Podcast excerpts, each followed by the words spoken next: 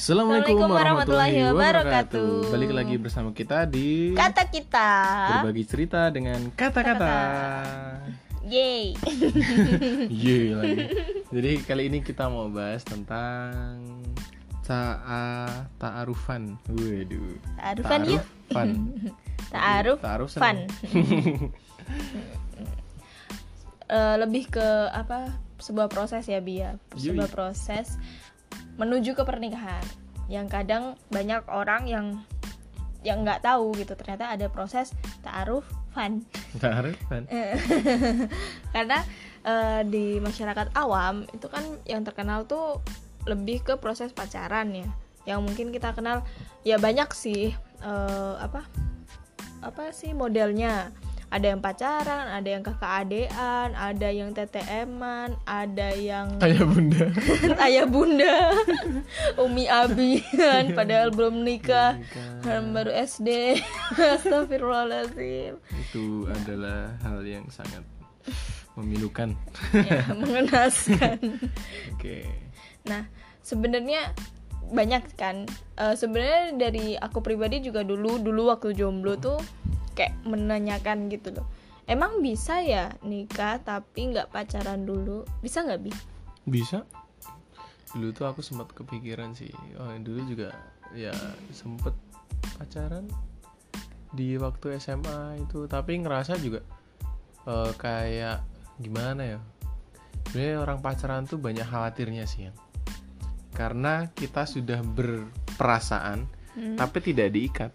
Wow. Jadi ketika kita mencintai seseorang, kita senang sama orang, tapi kita belum merasa kita belum terikat dengan hal yang mengikat gitu. Berarti kan kalau pacaran kan yaudah gue seneng sama lu, lu seneng sama gue. Ya udah titik gitu Ya kan. udah titik gitu kan. Tapi Tapi nggak ada ikatan yang... sakral gitu. Jadi Hmm. kita mudah aja ketika kita seneng sama orang atau disenangi sama orang ya. Yuk mari gitu. gitu Nah, ya. misal yuk sama lu aja deh pacar-pacar gue gini gini Hmm. gini misal kurang. Nah ternyata itu juga nggak bagus gitu loh. Kenapa kalau di Islam sendiri juga nggak mengajarkan pacaran dulu baru menikah, tapi lebih ke ta'aruf kan. Iya. Ta'aruf kan lebih kayak mengenal dulu satu sama lain. Dan itu tuh ada perantaranya juga, ada pembatasnya juga gitu loh. Hmm. Jadi kita nggak langsung menaruh rasa lah hiburannya tuh. Hmm. Sebelum benar-benar ada akad tuh jangan sampai kita menaruh rasa. Karena Hmm. ketika kita menaruh rasa kalau misal Nggak jadi? nggak jadi ntar patah hati bunuh diri kan kasihan juga kan terus ntar ada Apa trauma bedanya sama pacaran dong ya Ah, berarti ya?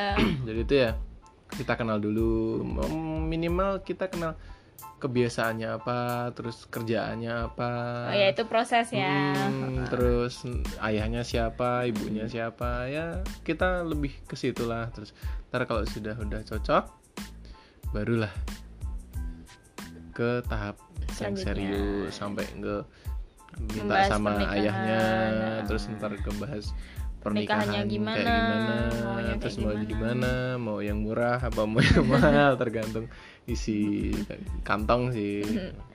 Tapi sebenarnya berarti eh, poinnya tuh kita emang bisa ya Bia? Emang dalam Islam tuh nggak ada gitu istilah pacaran dan emang bahkan ada? Ya setelah Pacaran nikah. nggak Bi maksudnya eh, pacaran sebelum nikah. Dalam proses menuju ke pernikahan tuh nggak ada gitu pacaran gitu. Dan bahkan di dalam Al-Quran juga sudah jelas gitu bahwa kita tuh nggak boleh mendekati, Mendekati zina kan zina. lah takut Pacaran zina kan- gitu. pacaran kan ya emang deketin zina. Awalnya kan setan kan bujuknya juga dari Kecil-kecil. Udah, oh, pandang-pandangan dulu. Ntar kalau udah Pegangan. pandang-pandangan pegangan. Kalau udah pegangan nanti terus ah, boncengan. boncengan, dan lain-lain lain dan lain seterusnya dan seterusnya dan seterusnya. Nauzubillah min dzalik. ya itulah. Islam tuh menjaga apa ya menjaga umatnya. Ya Allah tuh menjaga hambanya. hamba-hambanya. Biar enggak ke kebablasan lah. Berarti kita tuh udah ada remnya gitu ibaratnya di Islam karena emang udah- yang menciptakan kan Allah ya. Jadi Allah yang emang udah tahu gitu kalau manusia tuh punya nafsu. Dan Hmm, makanya itu turun ayat itu kan untuk Hmm, membatasi untuk nafsu kita. manusia Mm-mm. di- direm dikasih di rem dikasih rem. Udah kamu nggak boleh sampai sini. Ntar kebablasan nah jadi repot. omongan Eh, tetangga eh. ya. Ntar juga nggak baik juga buat kita kan nah itu. Terus sama ini sih banyak sih dari temennya Sisil yang kepo gitu kan kayak yang "Eh, Mbak eh, kenapa milih taaruf? Kenapa nggak kenapa nggak pacaran aja kayak yang lainnya? gitu. Ya Abi dulu kenapa? Kenapa aku milih taaruf? Padahal dulu aktivis Awalnya- pacaran. Dulu tuh itu bukan apa itu namanya? Aktif- bukan aktivis tapi pe founder. Enggak enggak apa ya? Kenapa milih taaruf? Dulu sih awalnya nggak ter- nggak kenal sih namanya taaruf gitu kan. Taunya tuh taaruf ya kita misalnya seneng sama cewek terus di DM sama Instagram Uhti mau nggak taaruf?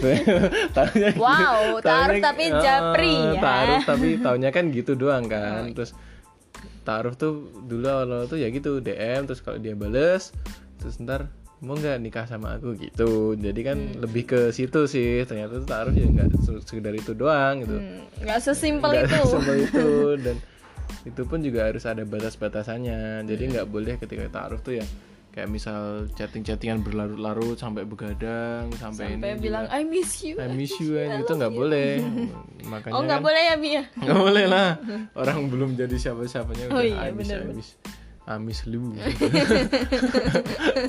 nah di situ terus baru hijrah tuh tahun 2018 2018 tuh fokus lah baru memperbaiki diri. Kayak dulu sempat ngaji Al-Quran baca-baca Al-Quran dibenerin lagi baca-bacaannya terus ditambah lagi sakofanya dulu juga sempat ikut ini kelas eksekutif yang ngaji. Jadi kayak yang apa ya yang dulu pernah belajar dari kecil terus keulang kembali. keulang kembali kayak diingetin oh ini ini, ini. tapi ditambahin. Jadi hal-hal yang ibaratnya itu dari kecil tuh pemahaman kita masih ada yang salah itu dibenerin di situ. Jadi ya terus terbuka kan terbuka pemikirannya tentang Islam diperbaiki lagi pondasinya akidahnya terus ditambahin lagi pengetahuan tentang sejarah Islam seperti apa pengorbanan Rasul itu seperti apa sampai eh, nanti kita di akhir zaman harus bagaimana gitu loh hingga terus hidup juga. Kan kita nggak harus nggak sekedar hidup nggak cuma sekedar nyari makan doang. Kalau cuma kayak mencari makan doang kan kayak kucing juga bisa. Kucing hewan-hewan juga bisa. Makanya kan dalam Islam kan kita juga sudah diberikan petunjuk sudah diberikan arahan hidup kita itu mau ke mana? ke mana terus dibuat apa gitu. Nah dari situ lah setahun kemudian kok ngerasa kok hidupku sepi ya gitu. Asik. Hidupku Hidup- sepi. kok se- sepi ya kok ngerasa udah butuh itu loh kayak bukan apa ya bukan Goriza.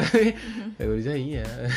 Cuman ya kayak kok aku butuh kayak temen gitu. Soalnya ketika hijrah sendirian tuh kadang juga nggak selamanya kita itu bareng teman-teman nggak selamanya kita juga tiap waktu itu kita bareng teman-teman yang selalu ngingetin kita buat berbuat baik buat menghindari hal-hal yang buruk. Terus ngerasa di situ eh, aku pengen inilah taaruf lah aku.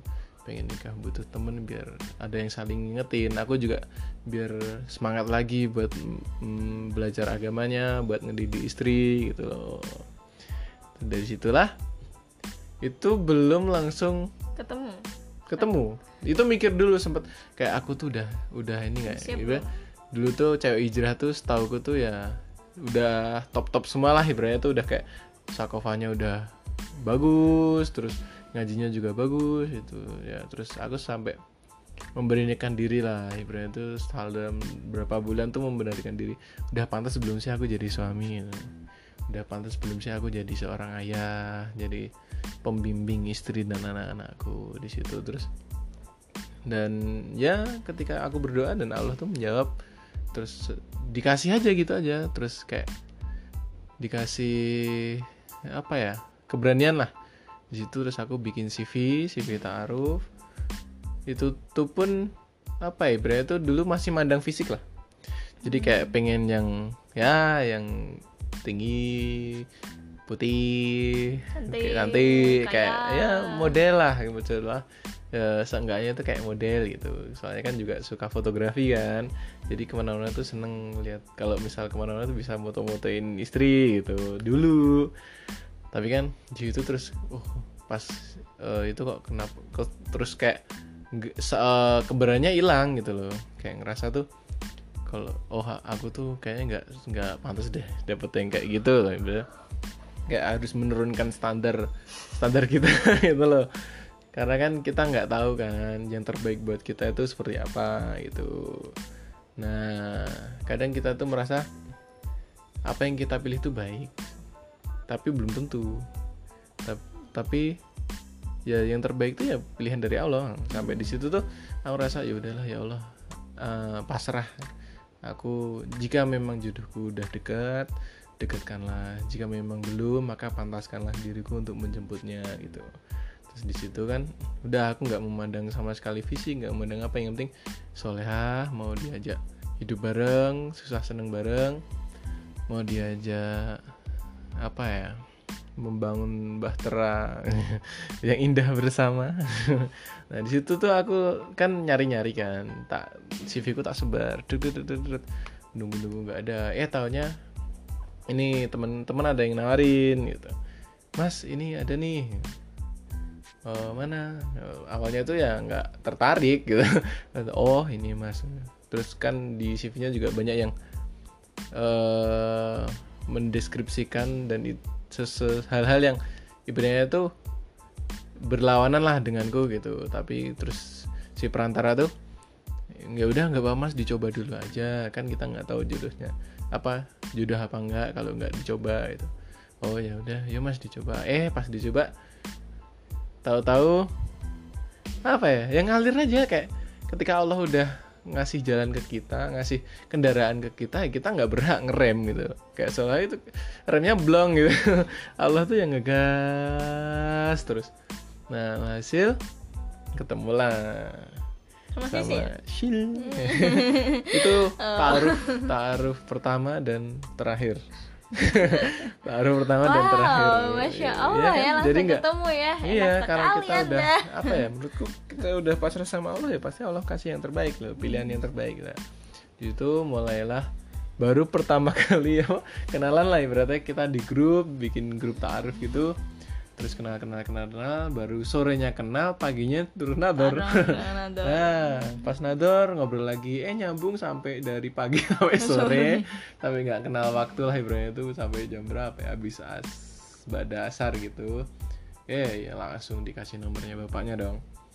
Tuh mikir-mikir lagi tuh berapa hari gitu.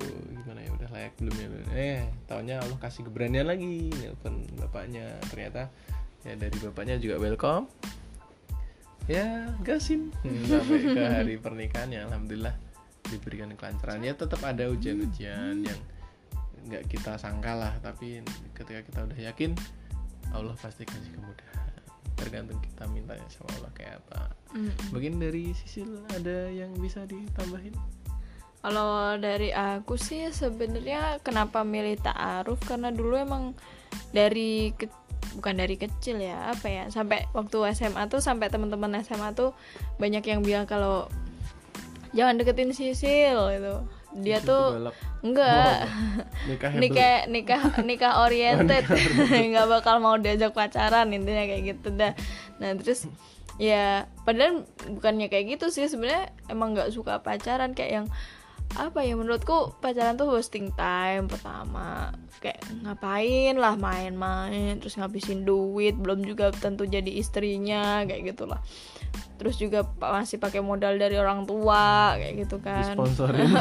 Sponsornya orang tua gitu kan. Jadi ya ngapain itu terus alhasil belum tentu juga nanti nih nih cowok beneran tanggung jawab apa enggak gitu. Nah terus waktu itu emang apa ya kalau sama suami tuh emang bukan taarufku yang pertama tapi taarufku yang terakhir ya. Iyalah kalau nggak terakhir. Ya gak jadi. Iya. Iya. Jadi kalau kalau boleh bocorin gak sih?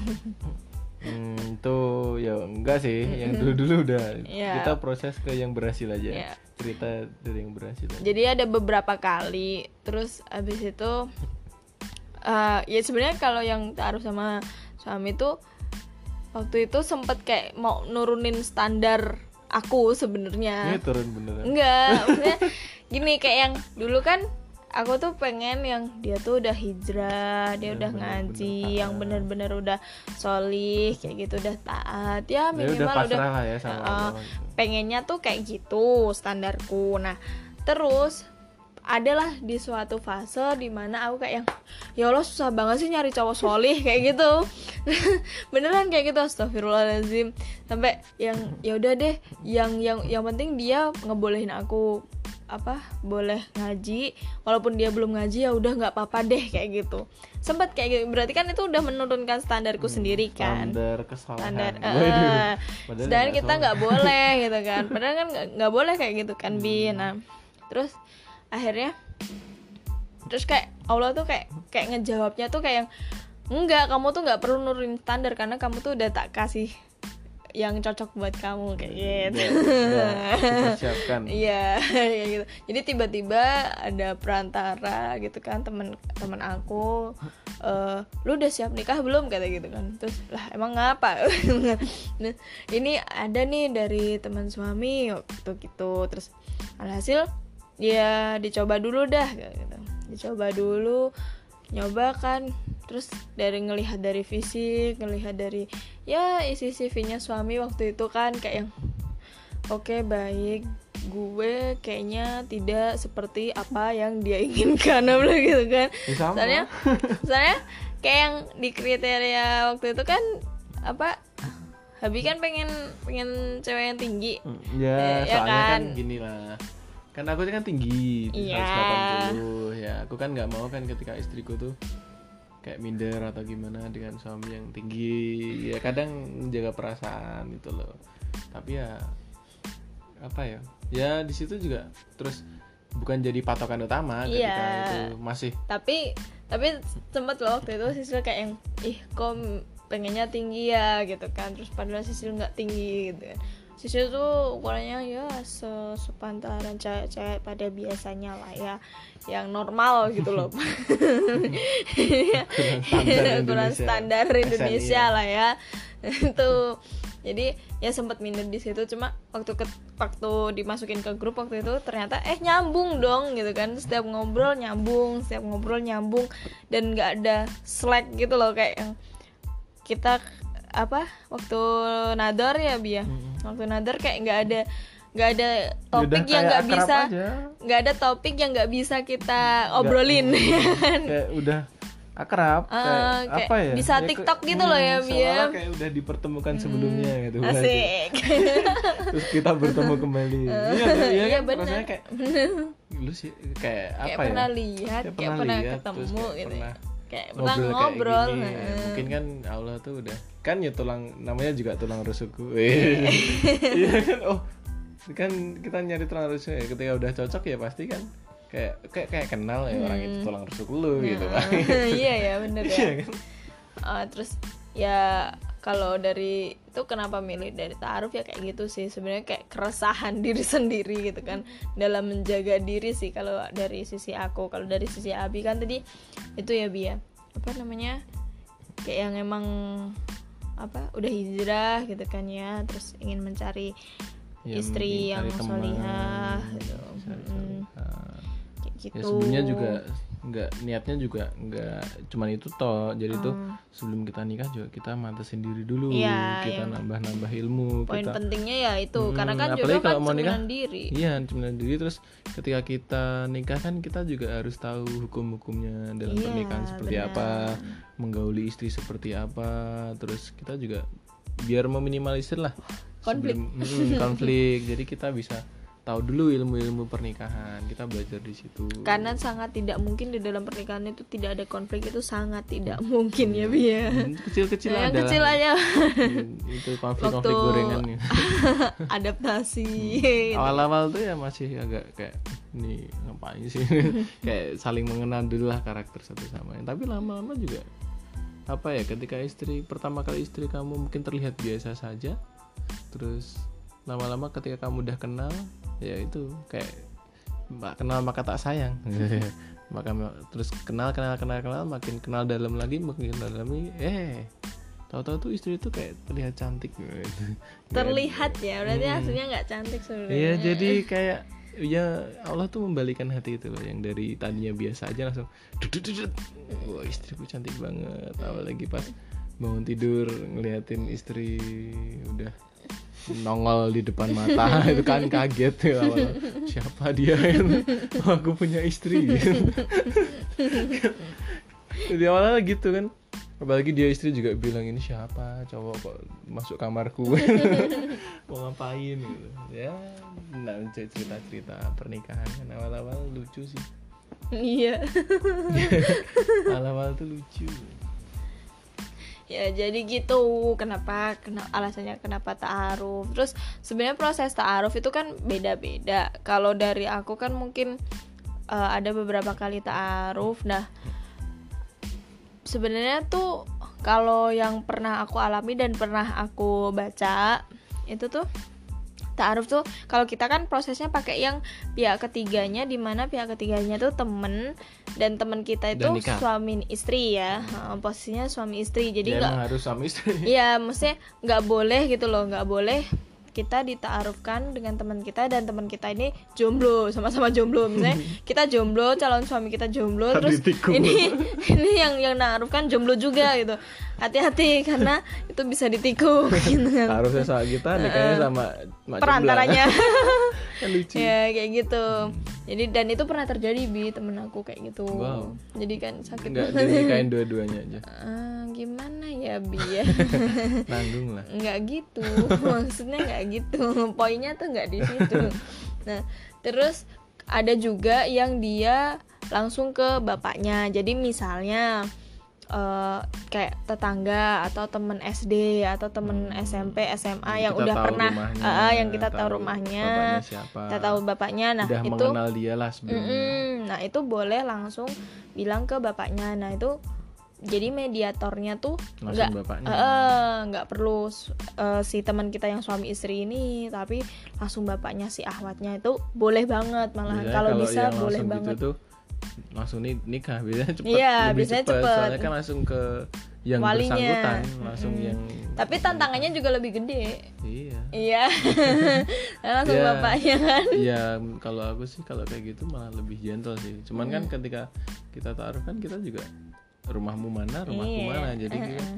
nggak bisa kalau aku sih maunya ya langsung dan memang sebelumnya kan kita emang nggak kenal baby. iya nggak kenal. Nah, maksudnya baby juga bukan teman sekolah aku aku juga bukan teman sekolah kamu jadi nggak nggak kenal sebelumnya. Nah itu kan buat yang udah kenal biasanya bisa kayak gitu.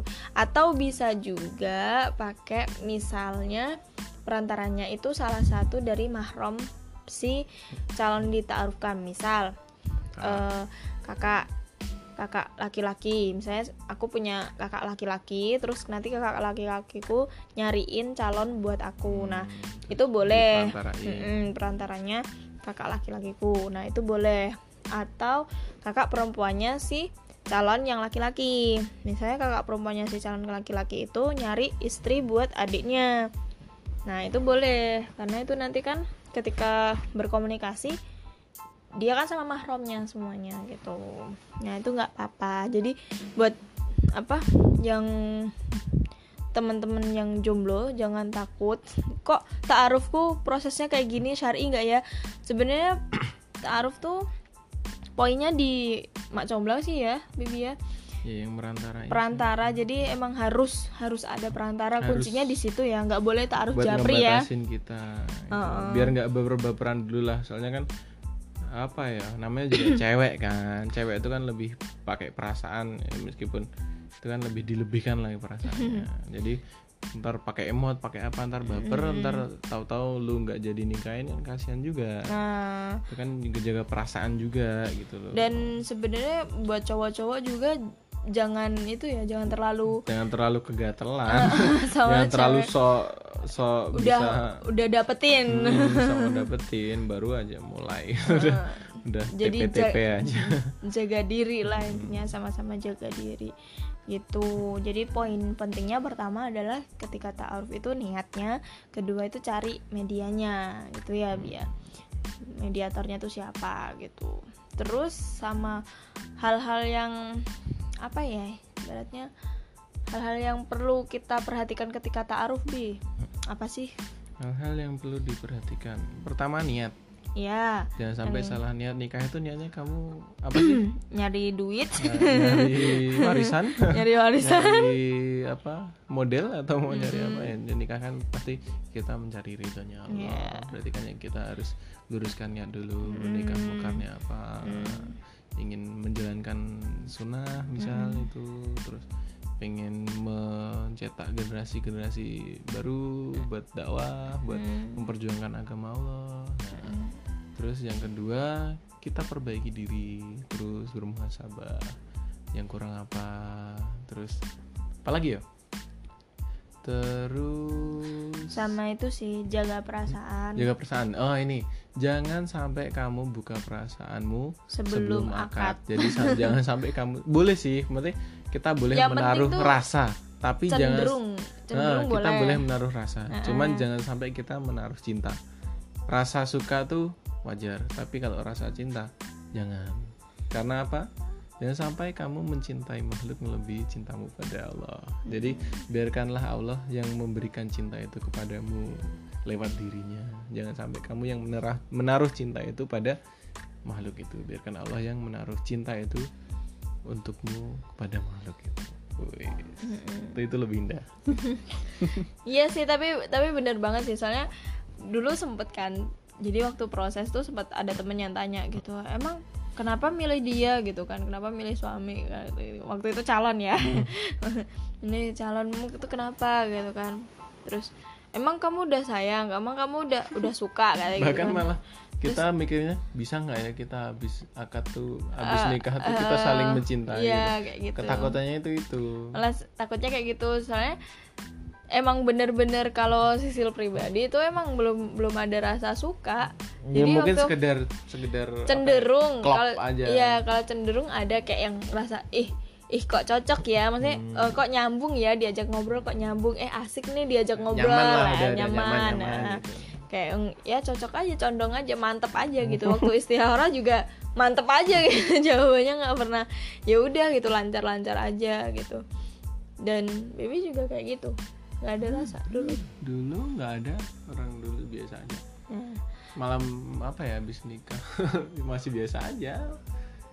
Ya lama terus cerita cerita cerita saling taaruf lagi Setelah lebih nikah. hmm, taaruf lebih intim lah ya nggak sampai bersilaturahmi. Ya barulah muncul rasa-rasa sayang. Rasa sayang jadi itu ya yang perlu diperhatikan terutama buat ladies. Jadi tolong direm rasanya tuh direm. Eh, apa ya jangan berdoa berdoa aja sama Allah. Yang pasti kamu yakin aja percaya diri. Jangan memandang merendahkan dirimu lah ibaratnya tuh, wah aku kok misal hitam aku kok pendek aku kok ini. Ya setiap orang tuh pasti udah digariskan jodohnya. Tinggal kita berusaha kita berusaha nyari. jangan sampai kamu tuh nggak percaya diri sama dirimu sendiri loh. Soalnya Hmm. apa? Soalnya kan Allah udah ngas garisin kita kan buang kita itu punya jodoh jangan sampai kita minder gitu. Ya, jadi poinnya itu ya pertama niat, kedua nyari moderatornya kalau misalnya udah niat, terus perbaiki diri juga, terus nyari modera eh moderator. Apa sih mediatornya. Yang kedua itu nyari mediator, terus yang ketiga perhatiin. Apa lebih ke proses pacaran ya, yang mungkin kita kenal. Terus? Ya banyak sih eh, apa? Loh. apa sih model Nah, terus yang ketiga itu tadi udah niat, mediatornya cari. Ketiga itu jaga perasaan. Ya nggak cuma buat ladies sih, tapi yang buat yang cowok-cowok juga jaga perasaan. Jangan sampai ada rasa sebelum akad karena itu bisa menjadi bumerang buat diri sendiri. Takutnya nanti kalau nggak jadi gitu kan. Ya kita nggak mendoakan yang jelek, cuma kan kita nggak tahu rencananya Allah yang terbaik buat kita tuh kayak gimana kayak gitu. Terus setelah setelah jaga perasaan terus niatkan semuanya kembalikan ke Allah gitu loh ya Bia. Jadi luruskan niat. jadi emang apa ya jadi ujungnya tuh yang terakhir tuh ya emang kita harus istikharah gitu loh. Emang harus istikharah tuh menurutku penting banget sih Iya. Ya kan, biar Bi? kita bisa mantep eh, bisa mantep apa enggak tuh emang di kuncinya di istikharah itu sih. Jadi itu kayaknya cuma empat poin itu di ya yang yang apa perlu kita perhatikan ketika kita emang berniat untuk mencari eh, menikah dengan cara ta'aruf ya kan bi poin dasarnya sih itu kalau yang teknis-teknisnya sih banyak. Tapi mungkin bakalan kita kupas nanti di podcast selanjutnya. Soalnya ini udah panjang banget ya Allah. Ah, bosen sampai bosen nanti maaf ya teman-teman. Ya nanti mungkin kita bisa lanjutkan di podcast selanjutnya bareng kata kita bareng Sisil dan suami Sisil. Siapa? Siapa? Habibi. Enggak, bareng Ardiansyah. Ya. Di Bir ya. jadi buat teman-teman yang mau nanti ada yang bakal kita bahas lagi mungkin tentang ta'arufan lagi. Tapi nanti tentang yang proses selanjutnya ya bias setelah ta'aruf kan ada nador ada dan lain-lain itu kan ya khidbah dan akad akhirnya. Nah mungkin di lain kesempatan nanti kita bisa curcor lagi curcol. Ya. tuh mungkin segitu dulu ya Bia Ya, kalau mau misal ada apa ya kayak pembahasan-pembahasan request-request tema yang lain bisa DM ke @sisil.viana kalau enggak ke Instagramku di ardiansyah underscore diwiryo. Ya gitu. Gitu. Nanti kita bisa ya mungkin dari vlog mungkin vlog YouTube atau kita bikin konten-konten serupa yang lebih asik lagi ya kan ya ya oke. Seperti itu. Ya ya semoga kalian suka dengan celotehan kita yang gak jelas ini. Semoga nggak bosen karena ini semoga- panjang hmm, banget. semoga nggak bosan terus semoga ada manfaat yang bisa diambil ada ibroh yang bisa diambil dan See you. kita akhiri see you. Wassalamualaikum warahmatullahi wabarakatuh. bye salam. Bye salam lestari. Salam lestari. Lestarikan jomblo